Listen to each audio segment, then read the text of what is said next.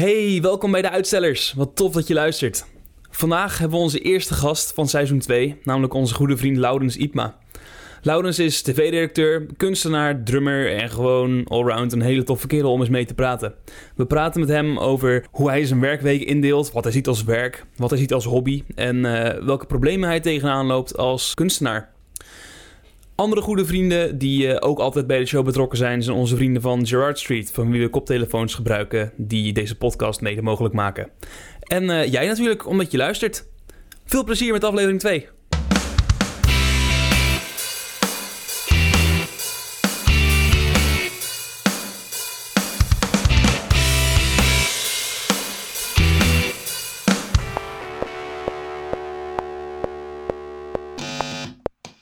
Leuk dat jullie er zijn. Ik zei vanavond al, um, ik ben wel bij jullie te gast. Maar dan in mijn eigen huis of zo. Ja. ja. ja dat is het voordeel van een mobiele podcaststudio. Ja, wij voor zover het een studio kan noemen. Ik bedoel, eerlijk gezegd, het heeft nog nooit zoveel als een studio uitgezien als hier vandaag. Ja. Maar, uh, maar dat komt puur omdat we aan een tafel zitten. Ja, dat helpt wel inderdaad. Ook iets wat niet als een gewone keukentafel of, of, of hoe noemen ze zo'n ding? Eettafel uh, Hoe noem je zo'n ding? Hoe noem je Ja. zo'n ding? Een tafel. Een tafel, wauw. Ja. Je zou denken, je hebt een heel podcastseizoen achter de rug. Je, je kunt ondertussen wel praten. Maar Nee. Probeer het eens in het Engels. Table? What? Nee. Nee, maar uh, Laurens, super fijn dat we gewoon te gast mogen zijn in jouw huis. En jij te gast wil zijn in onze podcast. Het is een soort van Inception. En dan moeten we eigenlijk ook aan, aan onze luisteraars gaan uitleggen waarom we bij, bij Laurens aan tafel zitten. Dat is omdat Laurens onze gast is. En Ja. wat Laurens een hele coole tafel heeft. Ja, En een heel cool koffieapparaat. ja. Zo, Dus inderdaad. wij hebben onszelf eigenlijk uitgenodigd bij Laurens thuis, zodat hij koffie voor ons zou gaan zetten. En dat wij aan een tafel zouden kunnen gaan zitten, waardoor het leek alsof we pro zijn. Ja. Ja. Goed. Maar welkom, Laurens. We zijn blij dat wij er zijn en jij er bent, of zo. En ik denk dat we ook al leuke dingen te bespreken hebben vandaag. Ik ben heel benieuwd. Ja. Ja, want Aaron is eigenlijk de enige die Laurens nog niet echt kent. Dus hij mag de vragen gaan stellen vanavond. Ja, je weet dat ik de minst voorbereide persoon ben, dus ik heb zeg maar niks. Oh, dat, dat zei hij tegen mij ook toen Devin er was, maar uiteindelijk deed hij het ook zelf. Dus dat maakt hem maar niet uit. Ah, oké, oké, Het oké. is gewoon dezelfde grap. Nice, nice. voor onze trouwe luisteraars. Nou, laat ik dan maar het openingsschot doen. Laurens, vertel eens over jezelf. Wie ben je? Wat doe je? Wa- wa- waarom doe je dit? Waarom ben je ooit begonnen en waarom doe je het nog steeds? Juist. Op, zich, op zich. Begin maar met wie je bent. Dan heb je Ja. in ieder geval iets. Ah, lekker. ik ben Laurens. Hoi Laurens. Einde. Oh, En eh, als eer, ik vind het wel gezellig dat jullie er zijn. leuk man. Dat is fijn. Gewoon op horen. dinsdagavond Ja, Ja, nice. ja relax, chill. in je eigen huis. Wij ruimen zo meteen onze spullen op en dan kun jij gewoon naar bed. Lekker. Nee, ja, wat doe ik? Ik, ehm, in het dagelijks leven eh, bedoel je? Of, eh, Alles. Ik bedoel, als ik hier rondkijk, heb ik nou niet de indruk dat jij zeg maar heel erg eh, gescheiden woon-werk eh, leven hebt. Dat alles een beetje in elkaar overloopt. Dus eh, ik ben eigenlijk wel benieuwd wat voor dingen jou allemaal bezighouden. Ah, ja. Het ziet er ook niet uit alsof je een heel alledaags le- leven Oh, hebt. dat Dus, zeker niet. Nee. nee. Ik denk dat je wel een interessant eh, levensverhaal hebt. ja, interessant. ik, ben ik zelf ben eigenlijk best wel burgerlijk. Burgerlijk. ja.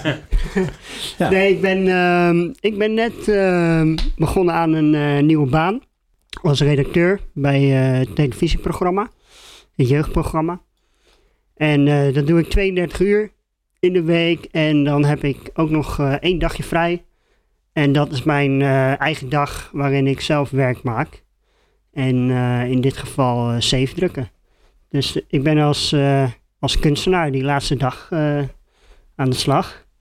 Maar ik neem aan dat die andere 32 uur per week ook al vrij creatief zijn als redacteur. Ik eh, kan me voorstellen dat je een hoop op je, op je bordje krijgt. Ja, zeker. Ik heb ehm, heel lang bij ehm, eh, Checkpoint gewerkt als, ehm, als producer meer. Dingen bouwen, dingen testen, uitproberen. En nu dan als redacteur, dus dat is op papier wat meer verzinnen.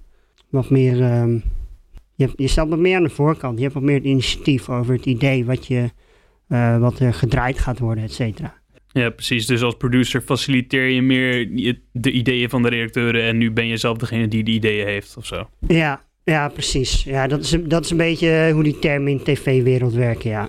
En bij welk programma werk je dan nu? Of eh, is dat nog... eh, Nee, nee, dat is eh, kaal of kammen. Dat mag je best weten. Maar eh, ja. Nou, voor de mensen onder ons die niet zo heel veel tv kijken... en dus eigenlijk niet echt weten wat dat inhoudt... eh, wat, wat voor programma ik dan aan moet denken... Ik heb nu vooral over mezelf, want ik zet eigenlijk vrijwillig niet zo snel tv aan. Oh ja. Uh, dus ik ben wel benieuwd. Be- Beschrijf het programma is. En uh, kan ik ook een beetje een beeld vormen van wat jij daar als producer zijnde eigenlijk voor rol inspeelt.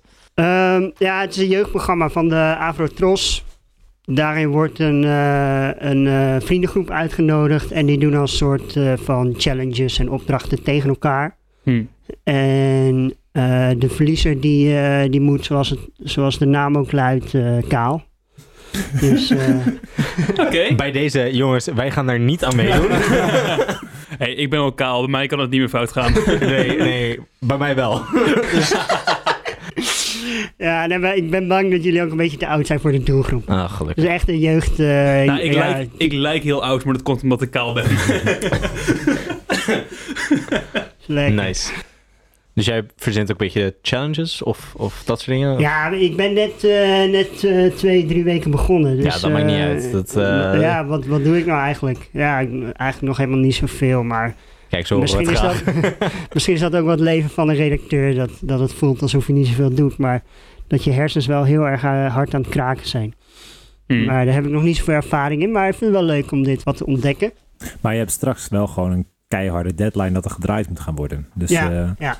Ja, het is ook een beetje een combi-functie. Dus ook wel, er zit ook productie bij. En ja. uh, uiteindelijk moet ik ook dingen gaan regelen en zo. Maar uh, dat is uh, nu, nu nog niet het geval. Maar ja, ach, ja, ik heb nu vier jaar tv-ervaring, denk ik.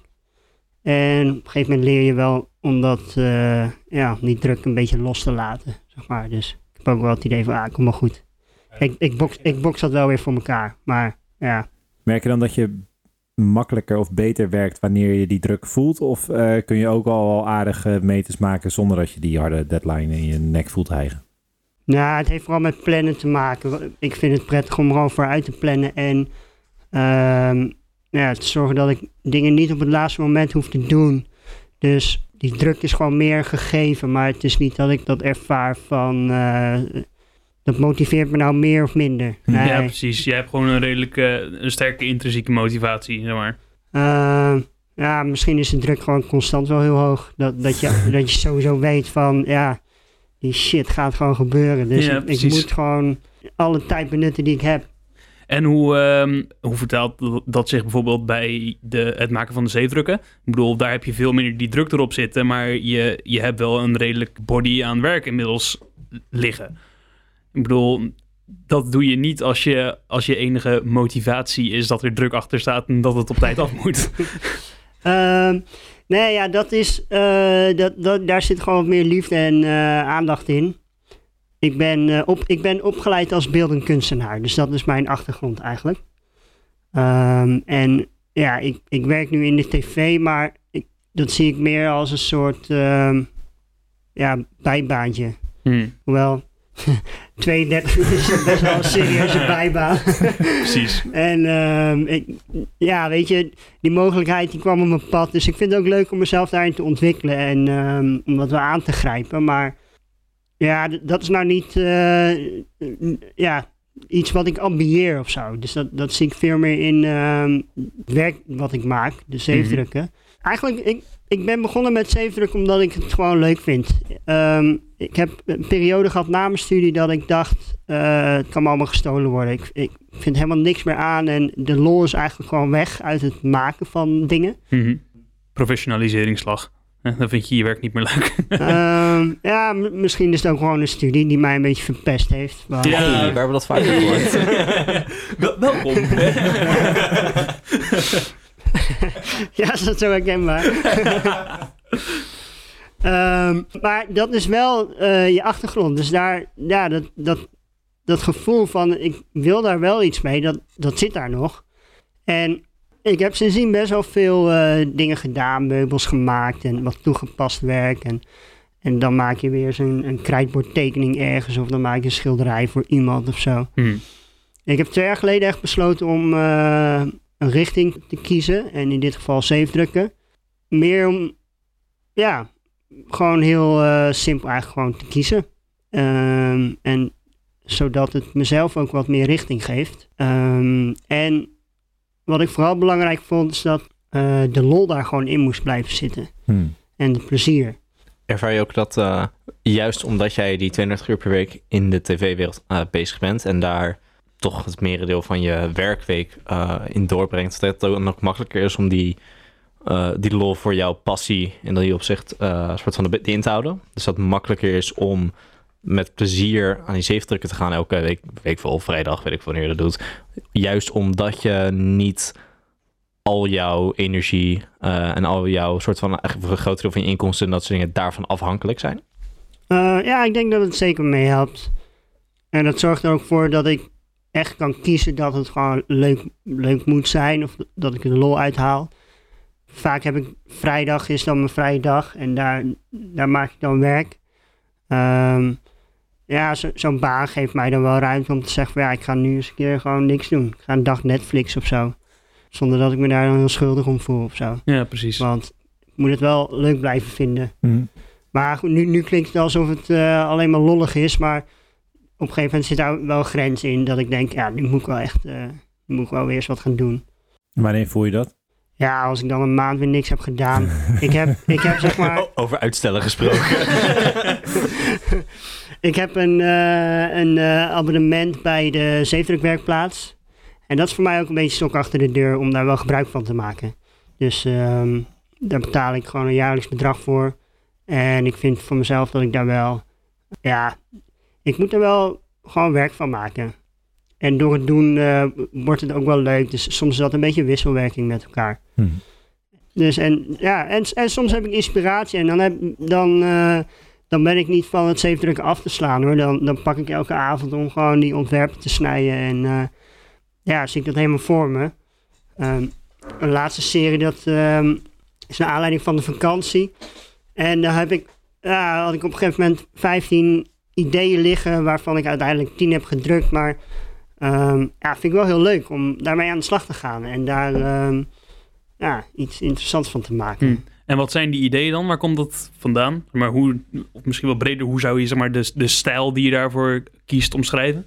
Ehm, ja, ideeën, dat, inspiratie, waar komt dat vandaan? Dat komt gewoon ineens in je hersenen of zo. Letterlijk gewoon uit de lucht vallen. Ja, precies. Ehm, Nee, maar wat is bijvoorbeeld, wat zorgt ervoor dat jij zegt van ja, dit is echt een goed object voor een zeefdruk en dit niet? Ehm, ja, ik, denk dat dat gewoon persoonlijke eh, inspiratie is. Die serie waar ik het over had, dat is op Ameland eh, begonnen. Daar heb je echt van die typische eh, ja, verwaaide bomen. Dus je hebt van, dat, van die aangevreten bomen en dan dat topje, dat is dan ook nog eens een keer verwaaid. En ja, dat vind ik dat zo interessant en fascinerend om naar te kijken. Het is eigenlijk een heel gek beeld is dat. Alsof dat niet echt hoort in het landschap, maar ehm, ja, het staat er wel. Hm. Is dat ook die eh middelste waar we nu naar zitten te kijken? Eh, ja, het is er één van. Ja, ik heb er nog een paar gedrukt. En uiteindelijk is dat, ja, is dat idee iets groter geworden met ehm, eh, dat ik daar rondliep van, ah, dit, ik, ja, ik zie dit eigenlijk ook wel als zeefdruk voor me. Of dit is eigenlijk ook wel een goed moment. Eh, ja, als je het over zo'n moment hebt, dan is het ehm, de bruine kiekendief, die hangt hier ook. Dan zegt zo'n plaatje van het, eh, ja, in het moment zijn. Dat je dan eh, heel erg gefascineerd bent door, door zo'n vogel. Ja, goed, ik, ik heb er dan een foto van gemaakt. En nou goed, dan heb je dat hele idee in, je- in gedachten en, en voor je. En ah, het is zo vet. En dan kijk je die foto terug en dan zie je twee pixels, weet je, op het, op het beeldscherm. En denk je, hmm, waar, In waar mijn is, gedachten was het toch wat meer... Ja. eh, waar is dat moment gebleven? Maar goed, ik dacht het is wel een vet onderwerp om een zeefdruk van te maken. Dus daar heb ik, dat heb ik gewoon vertaald naar een zeefdruk waar, waarvan ik vind dat dat moment er wel veel meer in zit als ik naar het werk kijk. Ja, ik denk ook op die manier dat je iets meer hebt van eh, jouw creativiteit soort van uiting laten. Dus eigenlijk meer hoe jij dat moment zelf registreerde. Dat vertaalt zich nu naar het, het werk wat jij op papier zet. Terwijl, stel ik zou vanaf eh, precies op hetzelfde moment een foto hebben gemaakt en die laten afdrukken. Dan is dat toch een soort van heel andere beeldvorming. Eh, daarmee leg ik inderdaad een moment vast. En tuurlijk zal ik daar mijn best in doen met compositie en weet ik het wat. Maar dat blijft meer een soort van een frame of een snapshot uit de realiteit. Ja, En wat jij doet is, jij, jij neemt een moment waar. En eigenlijk ook al heb je dan een soort van misschien voor referentie inderdaad dat fotootje. Ik weet niet of je die met je camera maakt of met je telefoon. Maar, ja zeker. maar ja. dan heb jij dat soort van als meer referentiepunt. En op het moment dat jij dat ziet, is waarschijnlijk weer op het moment dat je dan hier aan tafel zit. Dan gaan je gedachten weer terug naar dat moment, naar die tijd. En dat beeld wat dan in jouw gedachten zich vormt, dat vertaalt zich vervolgens naar die zeefdruk. En eh, ik ga niet proberen hier een analyse op uit te oefenen, maar als ik hier zo naar kijk, dan zie ik ook dat je met meerdere lagen, soort van met drie lagen in je zeefdruk werkt. Klopt dat? Nee, twee. Het zijn er twee. Of Twee lagen, maar die eh, witruimte is natuurlijk ook een... Ja, daarom. Dus zou soort- je ook als een kleur... Tenminste, die benader ik wel als een kleur. Ja, dus ik zie die ook soort van als een derde laag. Ehm, en wat, je nu, wat ik nu soort van zie, is eigenlijk pak je ook echt eigenlijk de essentie van dat moment. Want ik zie nou de vogel, ik zie de wolken en het gras. En ik kan me goed voorstellen dat er, als je daar was geweest, dat er veel meer te zien was. Veel meer detail, veel meer, eh, nou ja, veel meer uit die omgeving. Maar op zo'n manier pak je inderdaad gewoon de essentie van dat moment, wat jij soort van waardevol achtte op toen je daar zat, of stond, of zwom, weet ik veel wat je aan het doen was. en dat vertaalt zich uiteindelijk naar jouw werk. En dat vind ik wel heel tof om te zien. Dat het gewoon, ja, als een soort van gelijking doen met wat ik zelf doe. Dus dit is meer een stukje van jou. En als ik kijk naar fotografie, en dit, omdat, nou, dat is geen wat ik doe, dan is het meer, het is iets objectiever. Ik kies soort van het frame eromheen, Hm. maar jij kiest wat er in het frame zit. Ja, het is ook wel om, eh, om er toch even een analyse op los te laten, want jij, jij wilde dat niet. Maar Daarna ik mag uh, Laurens gaan vertellen hoe, die, hoe het echt is gedaan. Ja, precies, precies. Nee, je hebt een Ik soort van... luister, ik luister. Nee, je hebt een soort Hoe van... is het gegaan, jongens? Leg mij uit. Nee, nee, veel meer van verderaf. Je hebt een soort van drie manieren van, eh, van kunst maken. En toevallig hebben we die, denk ik, ook alle drie eh, hier aan tafel zitten. Eh, misschien dat Aaron hier een beetje door op zijn teentjes getrapt wordt, maar dat eh, maakt Nee, niet hoor. uit. Ehm, je hebt in principe je hebt, eh, nabootsing, je hebt eh, representatie en dan heb je, ja, hoe moet je dat zeggen? Dus inderdaad de essentie vangen, inderdaad. Creatie. Nee, nee. Nee. Nee.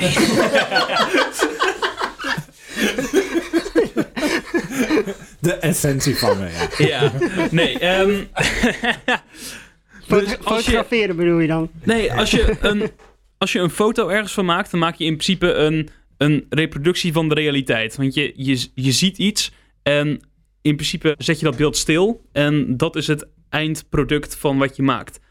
Muziek kan in zichzelf niks, ehm, niks uitbeelden. Als in, het, heeft geen, het heeft geen materie, het kan geen, eh, geen fysieke gestalte aannemen.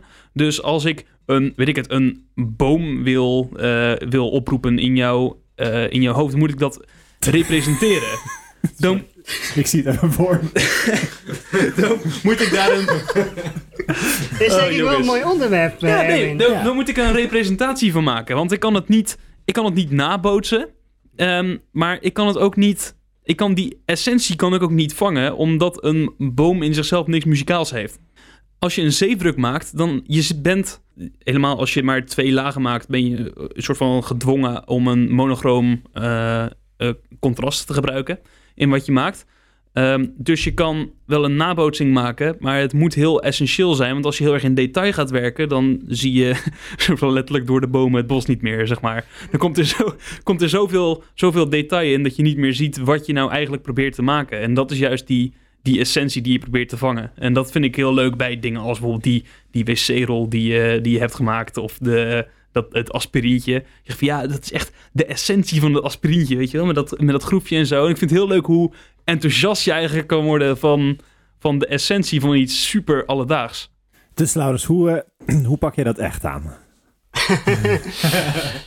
Ja, kijk, ik herken wel eh, elementen hoor, die, die Aaron benoemt met eh, de bruine kiekendief, om die eens als voorbeeld te nemen. Dat, heeft ook wel, dat was voor mij ook wel een duidelijk eh, gevoel. En dat gevoel vond ik ook belangrijk dat dat in het werk moest zitten. Ja, uiteindelijk als je werk maakt, dan, dan vertelt de afbeelding toch vaak een, een eigen sfeer. Ehm, en in dit geval ja, hoopte ik dat mijn sfeer en de sfeer die die afbeelding dan vervolgens eh, uitstraalt, ja, dat ik daar wel zeg maar zoveel invloed op heb om dat ja, goed op papier te krijgen. Ja, dat vind ik hier eigenlijk wel redelijk goed gelukt. Ja, de rest van die werken, van die natuurwerken, dat is ja, eigenlijk allemaal weer een eigen verhaal. Ehm, ook met het idee om eh, wat productie te draaien. Ik vond het wel belangrijk dat elk werk wel een soort van diepte eh, in zich heeft. En dat het niet een, een eh, plat plaatje is, zeg maar. Maar dat je wel het idee hebt van, oh ja, ik, het is eigenlijk super simpel, twee kleuren. En ehm, eh, ja, waar je eigenlijk wel het gevoel hebt van, oh ja, ik sta eigenlijk wel midden in, in dat tafereel als ik daar naar kijk. En ja, voor mij doet dat het wel eh, aardig goed. En dat vind ik wel het, aardige aan deze serie. Ehm, Maar hoe, hoe kies je dan wat je dan in zo'n tafereel wel en niet laat zien?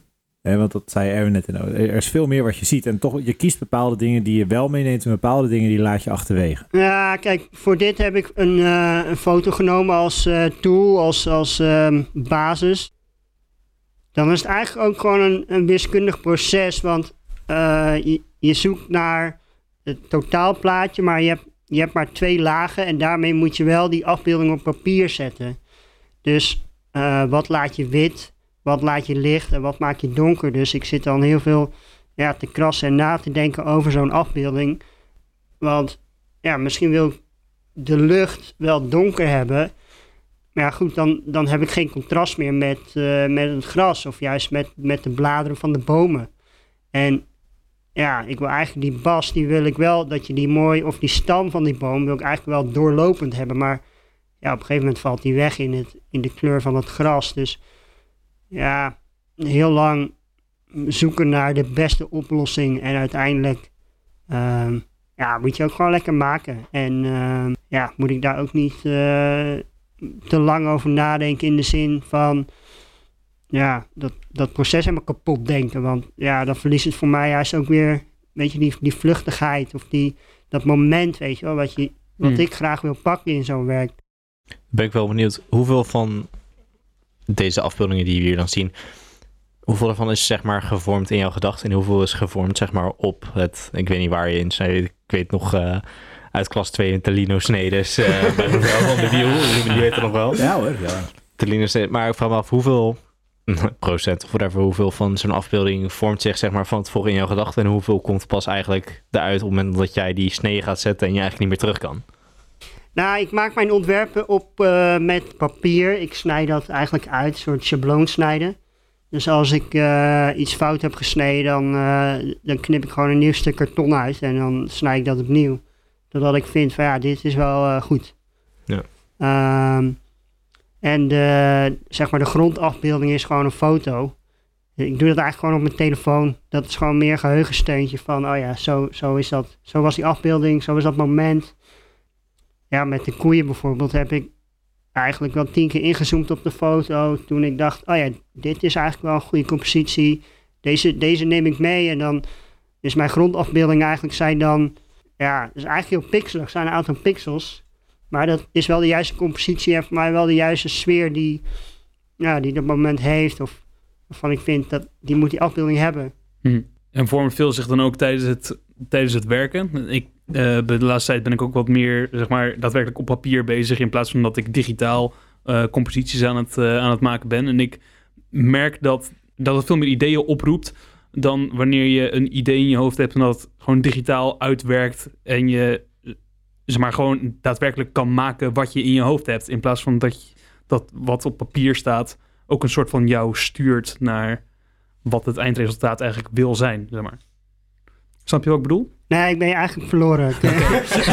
ik denk dat Ik we zal het nog allemaal kwijt zijn geraakt. Oké, ja, laat, ik het nog, laat ik het nog een keer proberen. Ik werk de laatste tijd veel op papier. En Ja. ik merk dat ik een- dan een bepaald idee in mijn hoofd heb. En ik ben aan het schrijven. En terwijl ik aan het schrijven ben, denk ik... Ja, misschien wil wat ik nu heb geschreven toch meer, toch meer die kant op. Heb jij dat ook als je aan het uitsnijden bent? Dat je dan een compositie ziet en denkt van... Ja, ik kan nu helemaal opnieuw beginnen omdat het niet is wat ik in mijn hoofd had? Of dit heeft ook een eigen waarde in zich en misschien moet ik hiermee verder gaan? Ehm, ja, ik denk dat ik dat continu heb. Dat het, ja, ik, ik maak een afbeelding en die afbeelding vraagt telkens eigenlijk iets van mij. Wat, ja, hoe ik die afbeelding moet shapen. Waar is dat belletje? Eh, Sorry, Laurens. We weten dat je een groot fan was, moet, maar... eh, nee, ja, hoe, ik ben eigenlijk een beetje, eh, on- on- eh, hoe zeg je dat, onderwerpig aan, aan de afbeelding zelf. Tenminste, zo zie ik dat, Ja. eh, weet je. Eh, of misschien praat ik dan een docent naar, uit mijn opleiding, maar Nee, ik, her- ik herken dat wel. Ja, als we Ja. het hebben over docenten. Ik heb, ik heb een, niet heel lang geleden heb ik een, eh, een, een workshop gevolgd bij Laurens. Een, eh, een schilderworkshop. En eh, toen mocht hij de docent uithangen. En er is één woord blijven hangen. Het was kijken. kijken, wat zie je? En ehm, dat vond ik wel grappig, want ik ben heel erg geneigd om als ik iets zie, het dus eigenlijk te willen reproduceren. Eigenlijk als ik een, een, een tekening maak of een, een, een, een schilderij in mijn hoofd, wil ik dan een perfecte eh, representatie maken van wat, wat er is. Hm. En Laurens die is dan zo'n irritante docent die dan zegt... eh, nou, jij, niet. jij krijgt één hele grote kwast en je gaat een kleur gebruiken die totaal niet klopt met het onderwerp wat je voor je hebt. Probeer maar zo efficiënt mogelijk met een paar lijnen vooral de houding vast te leggen of zo. Wat zie je nou? En dat vond ik super moeilijk, omdat ik eigenlijk het liefst eerst heel erg gedetailleerd ga schetsen en dan een keer... En, en, en, en dan verlies ik mezelf in dat proces.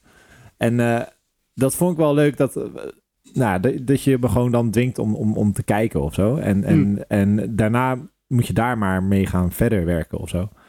En eh, het, het grappige is dat het, ik ben nu begonnen met het schrijven van een boek. En ehm, dat, nou, dat, dat gaat niet altijd per se even snel, maar ik merk dat het het makkelijkst gaat als ik niet van tevoren heb bedacht wat ik wil gaan vertellen. Hm. Dus waar ik begin gewoon ergens en dan zie ik wel waar het verhaal me brengt. Dus ik maak het mee terwijl ik aan het schrijven ben. En dat, dat heb je natuurlijk ook, dat is ook een beetje waar je het nu over hebt. Van, ja, eigenlijk vraagt de compositie nu dat ik deze kant op ga in plaats van die kant. Of ik ben nu wel dit aan het uitsnijden en dit was wel het beeld wat ik op mijn telefoon heb gezien. ja, Maar eigenlijk is het veel toffer om nu die kant op te gaan. Ik vind het wel grappig dat je, je een beetje, zeg maar, jouw, jouw stijl van dingen maken een beetje woorden geeft. Ehm, zeg maar, bij, bij mij thuis wil ons moeder nogal eh is vaak terug, eh, terughalen over hoe wij verschillend met de Lego omgingen.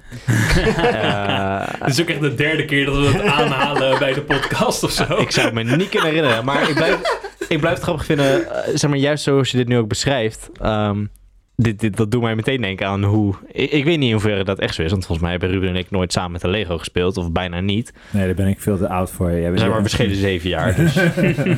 maar J- jij speelt ook nog steeds met Lego. ik, ik wel hoor. Ah, Lego wel. is echt shit. Het is gewoon... Maar ehm, waar het gewoon waar een beetje om ging is dat eh onze moeders dan altijd zegt van... Ja, Ruben die was altijd van het... eh, die, die kreeg dan zo'n set of, of whatever. En dan wilde hij dat het perfect... Inderdaad, klopt. Het moest... Hij zet het in elkaar volgens de instructies. Het moest kloppen. En dan zet hij het neer en dan was hij er klaar mee.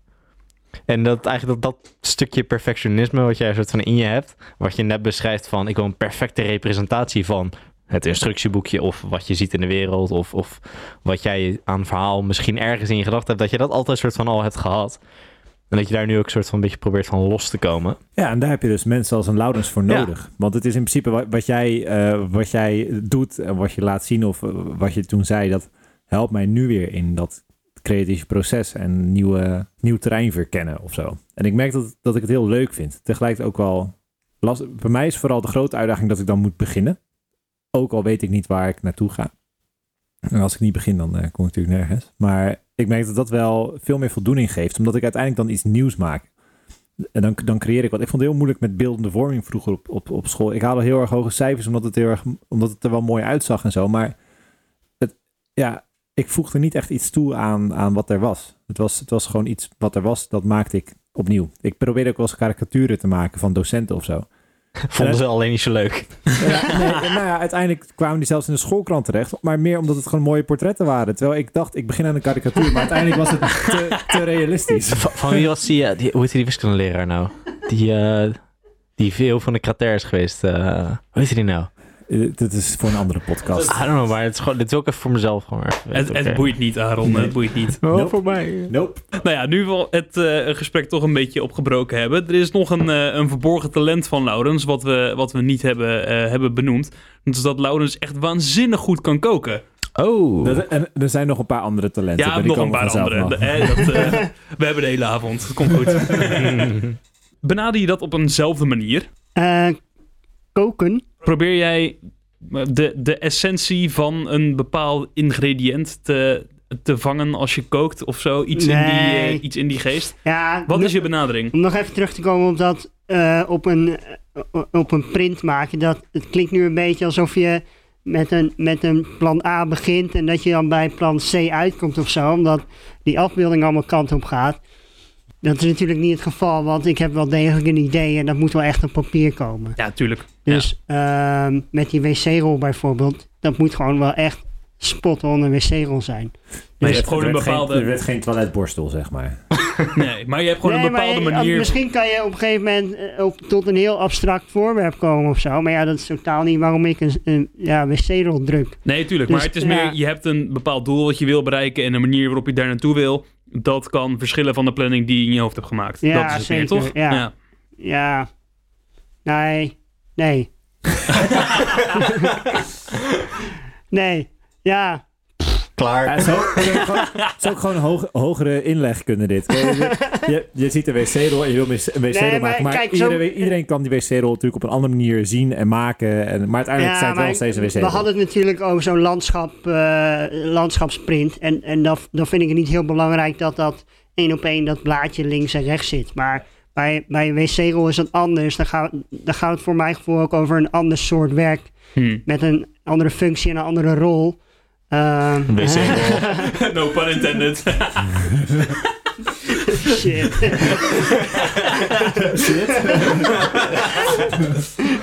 Oh, jongens.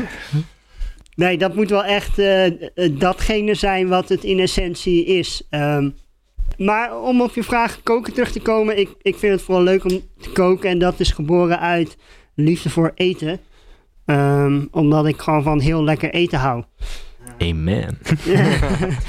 Niks mis mee. En ehm, ook hobby, ik vind het leuk om ook lekker eten te maken. Ehm, ja, in koken zit voor mijn gevoel niet mijn creativiteit. Ik laat me wel echt inspireren door eh, chefs en eh koks die dat gewoon heel goed kunnen. Want ik zou niet een gerecht kunnen verzinnen of zo. Of ik zou niet kunnen denken in smaken of eh, Hmm. eh, combinaties. Maar ja, op, op een gegeven moment bouw je gewoon een eh, eh, rugzak met, met, met tools en dingen waarvan je weet dat dat past goed. Hm.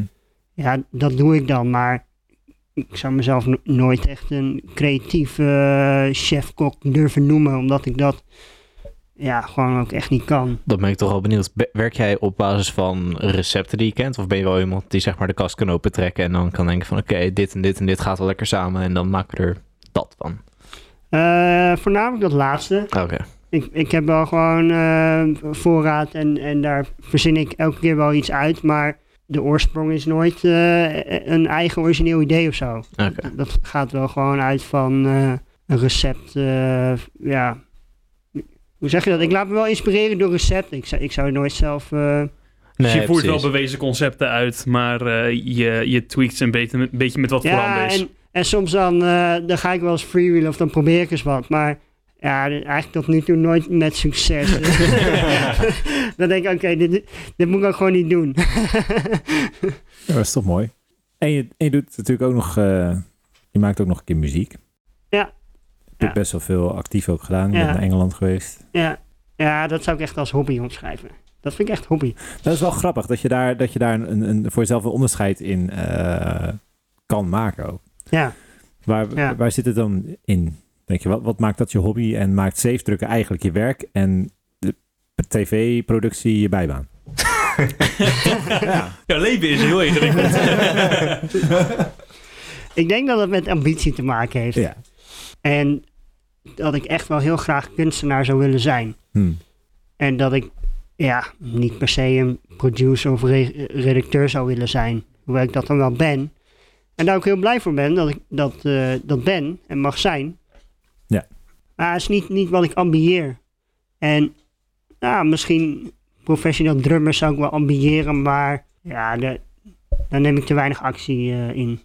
Om dan echt ook daadwerkelijk... eh, En het ambieer je nu ook niet meer, denk ik. nou, misschien is dat stiekem wel een droom. Ja? Maar ik zie dat wel als hobby. Dus als, ja, als ik ooit nog eens een keer een gouden formatie, eh, in een gouden formatie terechtkom, dan, eh, Ja, dan zou ik dat wel heel vet vinden, ja. Nice. Ja. Ik denk ook dat ik dat heel goed zou kunnen. Ik denk ook dat het Maar- wel goed is om te hebben. Eh, in dat soort van, in die, ja, een soort van droom inderdaad. Niet dat dat per se iets haalbaars is. Ehm, niet dat je per se denkt van, oké, zeven drukken is een soort van mijn ambitie. En over tien jaar wil ik dit bereikt hebben in zeven drukken. Maar dat je soort van daarnaast ook nog een droom hebt. Iets wat inderdaad niet per se realistisch is. eh, maar wel wat je altijd in gedachten hebt van, oh, dat lijkt me ook altijd vet. Weet je, ik, ik moet opeens... eh zo is wel leuk om eh, voor de mensen om een keertje op te zoeken op YouTube. Heb je van die speeches die altijd dan kan terugkijken. En er is eentje van ja, een vriend van de show, Matthew McConaughey. over zijn Oscar-nominatie. Hey Matt. Hey Matt. Nee, die heeft een, heeft een best wel toffe eh, speech toen hij eh, zijn Oscar in ontvangst nam. En daar had hij het over dat zijn...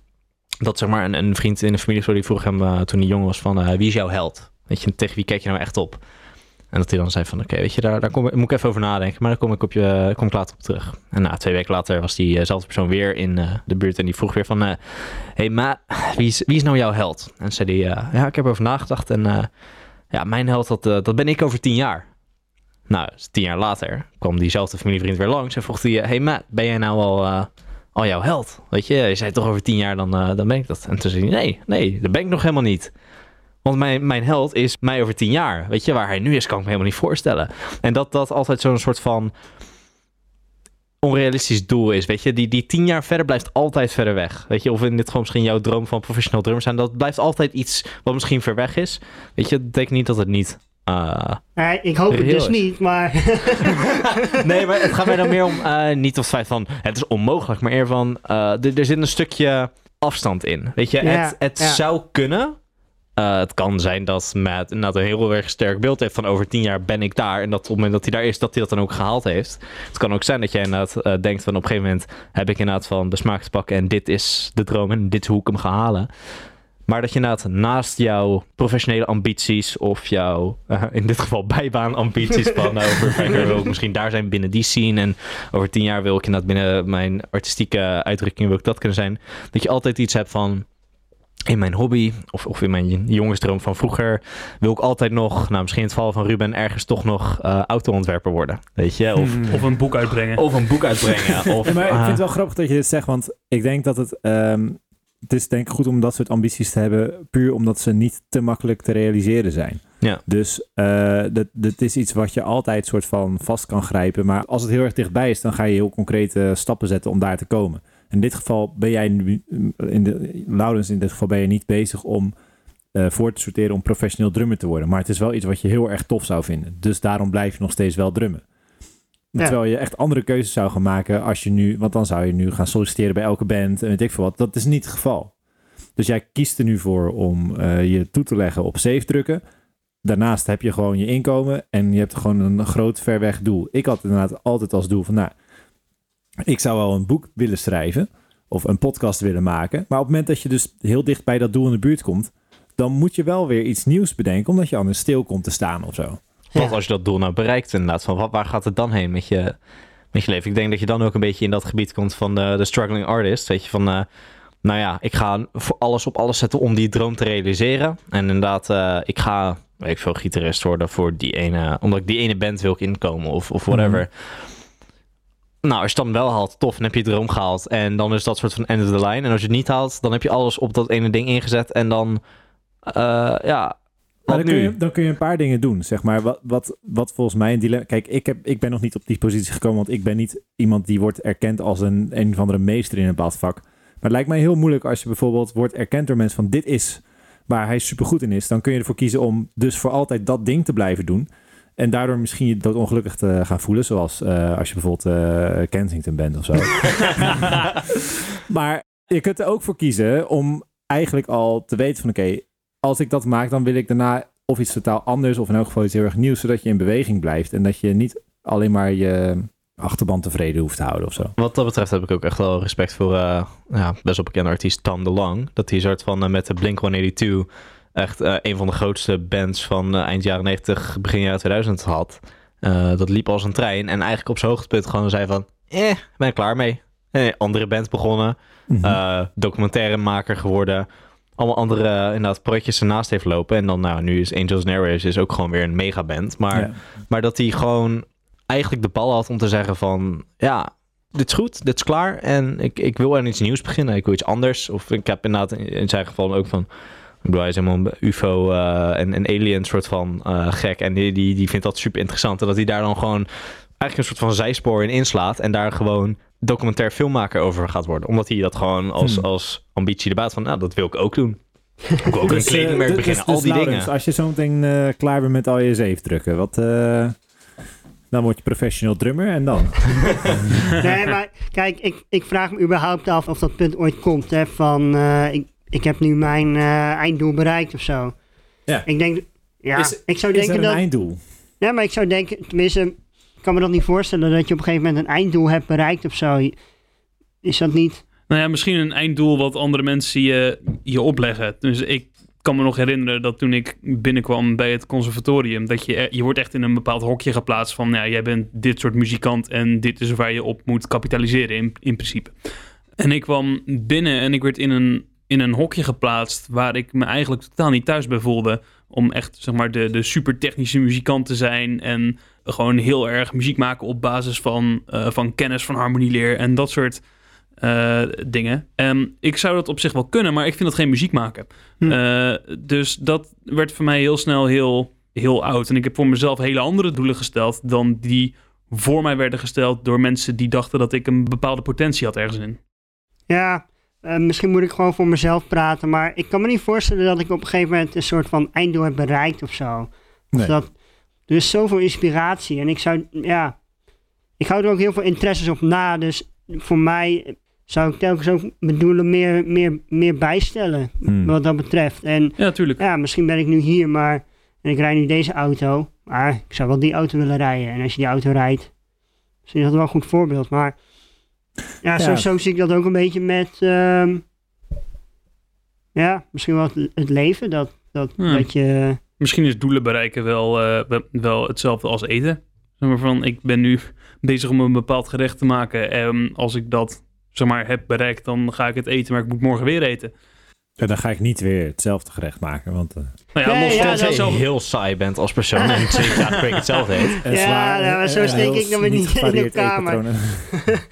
nee ja, ik, ik hou dus wel heel erg van barbecuen en eh, op een gegeven moment heb ik dat recept van pulled pork wel eh, gehad, dus dan denk ik, ja, echt lekker en dat, ja, dat kan ik maken, maar nu is het tijd voor, eh, ja, toch een stuk brisket van de barbecue of zo, of, eh, ja, En op een gegeven moment keer vast wel weer eens terug naar dat ding, omdat het dan weer te lang geleden is. Of, ja, precies. En als ik dan, ja, als, als dat een keer, die brisket is een keer goed gelukt is, dan denk ik, nou, wat, wat hebben we nu eh, Ja. ja, voor uitdaging? Dus wat dat betreft vind ik het ook wel leuk om meer een skills eigen te maken. En eh, ja, misschien wel verschillende dromen er ook na te houden. Ik ben nooit te oud om te leren of iets nieuws Ja. te doen. Nee, ik denk dat dit wel een beetje de, de kern is van wat het betekent om creatieveling eh, te zijn. Dat kun je, je kunt dit natuurlijk doen binnen een bepaald vakgebied. Of je kunt bepaalde disciplines overstijgen of daar een beetje tussen hoppen. Maar je kunt ook jezelf gewoon een eh, heel specifieke uitdaging van één techniek binnen één ding eh, aanmeten om, om op die manier in beweging te blijven.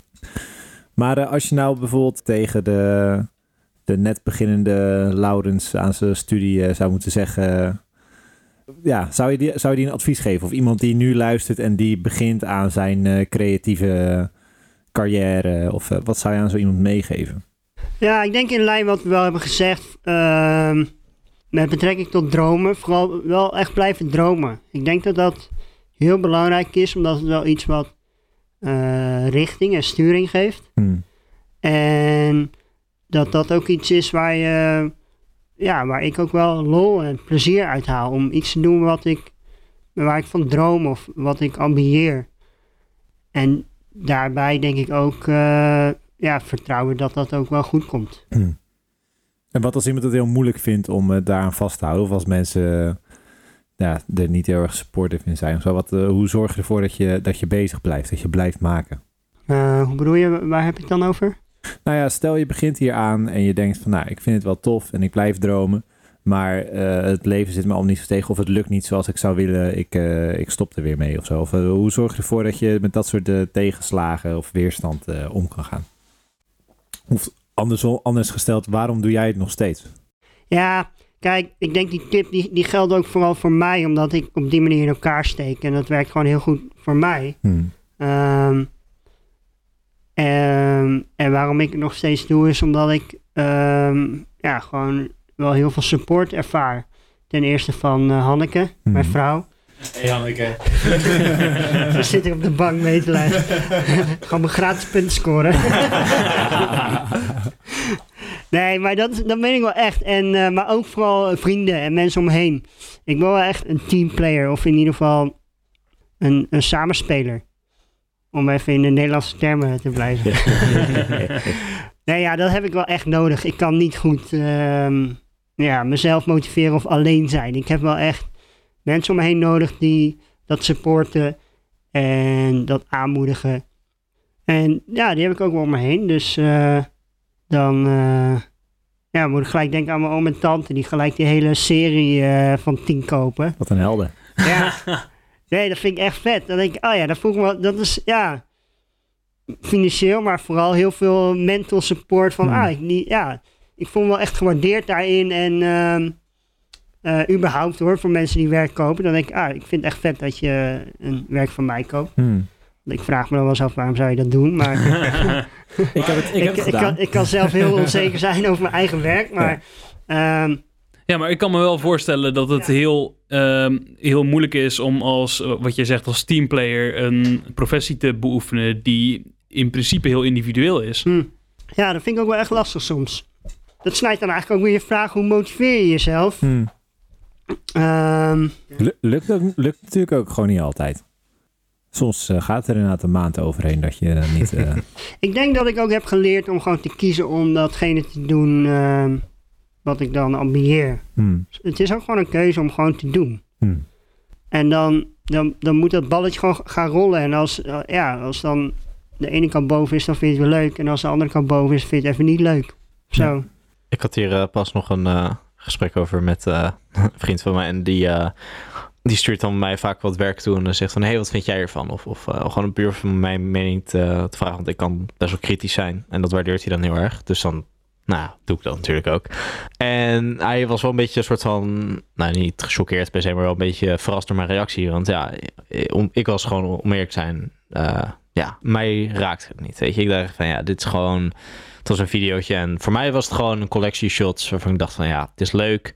Maar kijk ik nu tien keer naar hetzelfde shot. eh, en dat, ja, voor mij doet het me niet. En dan was hij best wel een beetje door teleurgesteld. Dacht van, hij zei van, was dat echt zo slecht en zo? Toen zei ik van, nee, dat is het niet per se. Maar voor mij raakt het me nu niet.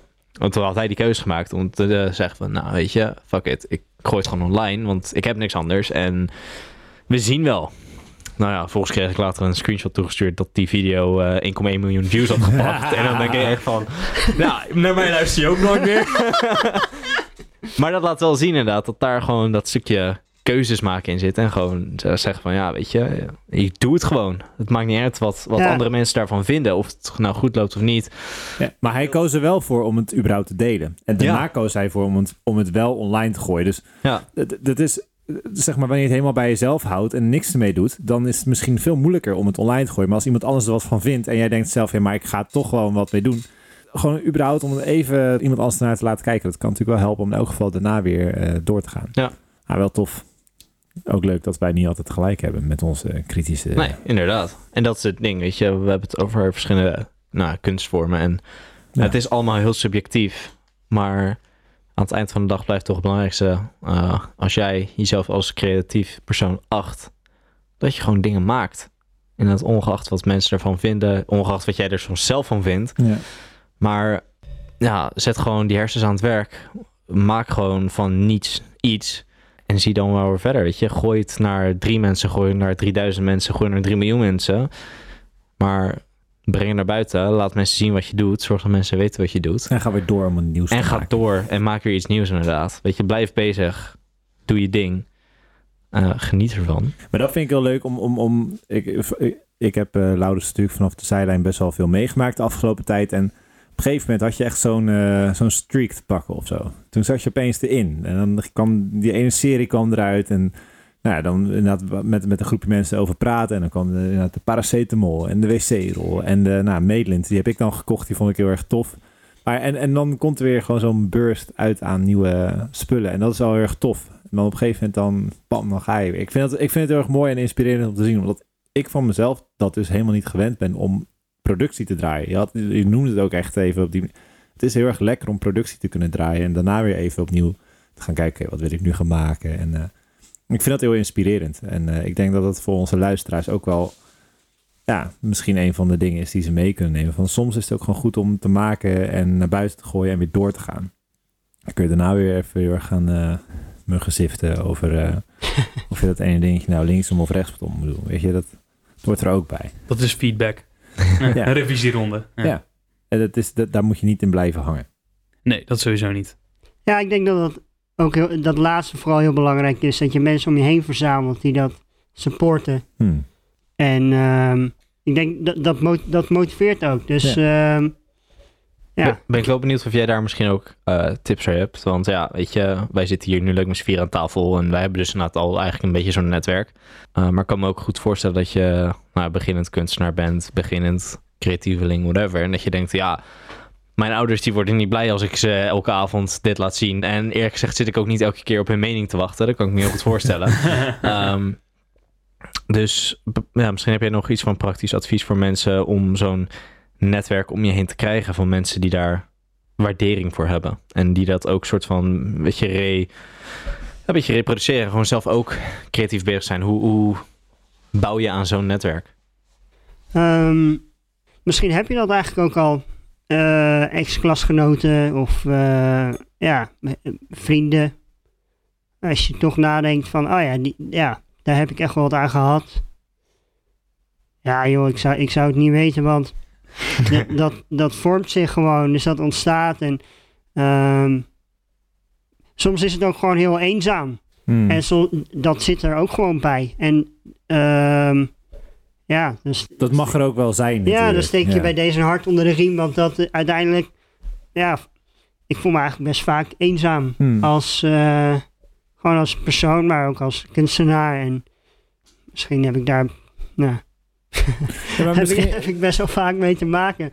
Terwijl ik nu, ja, er heel vrolijk over klets. Maar ehm, Ja, nee, ik herken dat wel hoor. Want ik, ik ben gewoon niet zo'n ehm, eh, niet zo'n naar buiten tredend persoon als eh, de gebroeders Bijl die hier, eh, die hier naast me zitten. wij, wij zijn nooit eenzaam. Echt nooit. Nee, Nee. nee, precies, precies. Nee, ik vind dat best lastig om, om andere mensen überhaupt te betrekken bij, bij wat ik doe. Maar ik merk wel inderdaad wel dat ik gewoon heel veel energie uithaal als ik dat doe. Maar die drempel Ja. om dat te doen is gewoon heel hoog. Maar als ik dat dan zo zeg, kan je daar dan wat mee?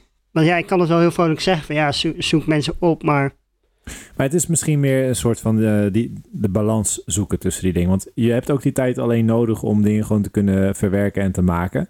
ja, Alleen, zeg maar, op een gegeven moment gaat het tegen je werken. Omdat je te lang alleen bent of zo. ja, En het is Ja. denk ik goed op het moment dat je merkt van ja, ik, ik, ik loop nu vast. Dat is misschien het moment dat je andere mensen erin betrekt. Maar tegelijkertijd is het ook gewoon supergoed om niet alleen maar de hele tijd overal mensen bij te betrekken. Want hoe ga je dan ooit ontdekken wat dat stukje van jezelf is in je werk of zo?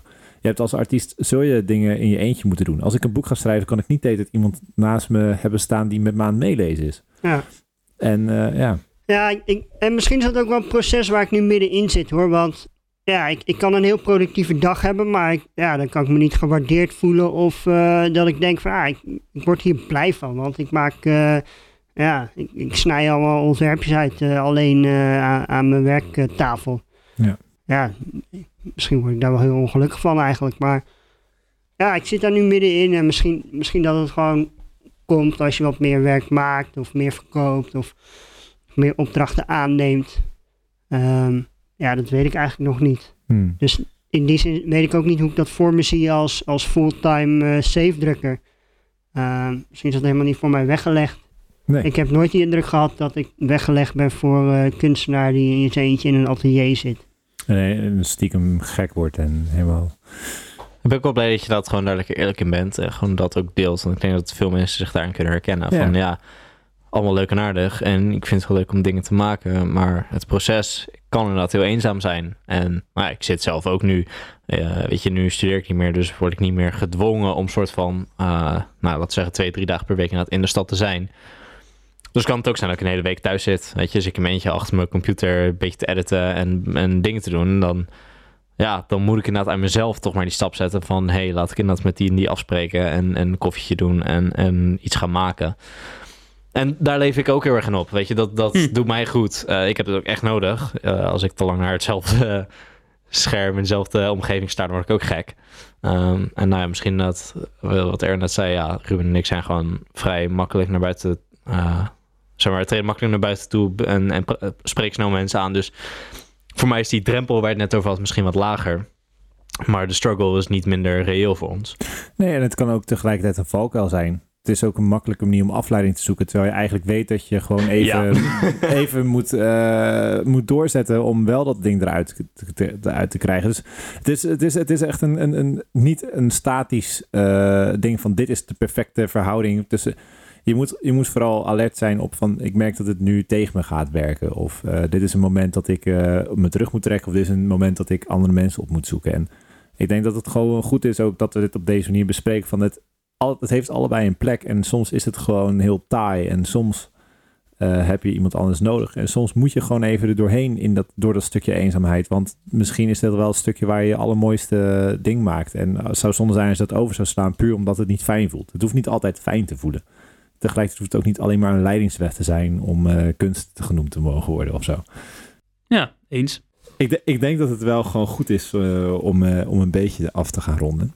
Nou, is er nog iets waar de mensen mee naar huis moeten sturen of hebben we ze genoeg gegeven vandaag? Eh, nou, we hebben het nu een paar keer over die, eh, die mooie zeefdrukken van eh Laurens gehad. En eh, er zijn een paar specifieke uh, soort detailanalyse op eh, losgelaten. Ja.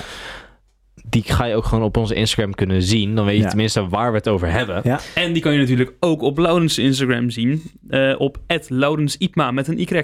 Ja. En eh, de link daarvan vind je ook in de show notes. En eh, ook een dingetje, je kunt ze ook gewoon kopen. Ik zou altijd zeggen, steun je lokale kunstenaar. Absoluut. Ook al kom je uit Noord-Holland. hè? Ja. Maakt Ja. niet uit. Ja, dus, Nederland, dus, dus, lokaal, Dus, dus, dus koop vooral, koop vooral. Wat is het? Ik zie staan 50 euro voor een print. Als je er een lijst bij wil, hoeveel wordt het dan? Een lijstje is 25 euro. Ik heb een heel mooi lijstje erbij. Oeh. Een lijstje voor een Ja. zacht prijsje. En, Wauw. eh, maar ja, nee, maar vooral kijk ze vooral op, eh, Ja, kijk of het je op aanspreekt. Instagram. En eh, in het echt dan eh, zijn ze wel een stukje mooier. Ja. Eh, maar het is sowieso leuk om even te zien waar we het over hebben natuurlijk. Exact. En eh, de, bij mij hangt er eentje thuis. Er zijn er nog veel meer. Aaron, jij verkoopt ook dingen volgens mij. Eh, ja. Ehm, we hadden het net over fotografie en, en hoe dat eh, proces soort van eh, een beetje stil eh, nou, komt te staan nadat je inderdaad die foto hebt genomen. Nou ja, gooi ik er nog wel een sausje aan kleur en dergelijke eroverheen, of eigenlijk gebrek aan kleur. Wil je nou weten hoe ik dat doe? Ga naar mijn website, dan kun je dat letterlijk gewoon kopen. En dan word je binnen no time ook fotograaf, want ik heb het ook van presets geleerd. Ja. Dus dat verkoop ik. Aaron is niet de enige die foto's verkoopt. Ik heb pas een mooie foto gekocht van een podcast eh, vriend. Dus ik heb eerder een, een, een foto van een andere fotograaf gekocht dan van Aaron. Dus dat, dat Doet voelt toch nog een beetje pijn, doet maar een ja. beetje pijn. Maar eh, Simon eh, van achter van de... Niet Simon Leeuw. Simon van achter van, van Aandacht de podcast. Die maakt ook heel toffe foto's. Het is ook Zeker. heel leuk als je daar even naar gaat kijken. Dan komt, En luisteren. Exact. We steun, steun, je, steun je lokale creatieveling. Eh, bijvoorbeeld ook Erwin, die maakt ook dingen. Wat maak jij dan, Erwin? Ik eh, maak composities en ehm, ik ben in te huren als gitarist. En ik heb samen met Ruben een stichting en allemaal mooie dingen. Dat is allemaal te vinden op mijn site erwinvanoostenbrugge.com. Daarom. En eh, deze podcast die konden wij eigenlijk niet maken zonder eh, onze goede vrienden van Gerard Street. Die maken ook heel erg mooie dingen, namelijk koptelefoons. En eh, daar zijn we ook heel enthousiast over. En kijk ook vooral even bij hun, want het is gewoon heel erg tof om eh, te zien hoe mensen op een nieuwe, innovatieve manier voor zorgen dat eh, koptelefoons wat duurzamer worden en je niet één ding koopt en weer weggooit omdat hij het niet doet. Dus eh bezoek hen ook even. Je hebt, je hebt heel veel te doen eh, de komende week eh, als je deze podcast hebt geluisterd. Yes. En mocht eh, deze podcast nou hebben aangesproken, ben je inderdaad eh, ook een eh, nou, creatieveling die eh, midden in een rut zit waarvan je denkt van ja, kak, ik voel me eenzaam of ik struggle hiermee of eh, het is allemaal niet zo makkelijk. Weet je, laat gewoon lekker een reactie achter op, eh, op onze Instagram en eh, deel gewoon jouw struggles als je dat durft. Of eh, misschien zet iets van een anonieme maillijst op of zo. Maar Het is gewoon interessant om, om ook jouw verhaal te horen. Ja, en deel je werk ook. Als je feedback nodig hebt of je vindt het leuk om eh, gewoon te laten zien waar je mee bezig bent, tag eh, uitstellers. Ja, we zijn ook allemaal persoonlijk te benaderen natuurlijk. We zijn nooit te beroerd om te reageren. Nee, we zijn nooit te beroerd om Soms wat laat, heel dat erg- wel. Sorry. Aaron die is daar niet zo heel erg goed in. Maar nee. eh, hij reageert uiteindelijk wel en hij heeft ook vaak niet gelijk. Dus als je gewoon weet dat iets goed is, je heel erg hard feedback wil en daarna gewoon het alsnog wil plaatsen om dan een miljoen views te krijgen op YouTube, moet je dat ook gewoon doen. Precies. Hey, eh, ik wil jullie allemaal heel erg bedanken. Of wil je nog wat zeggen, Erwin? Nee, ik wilde zeggen bedankt voor het luisteren. Ja, slaap lekker.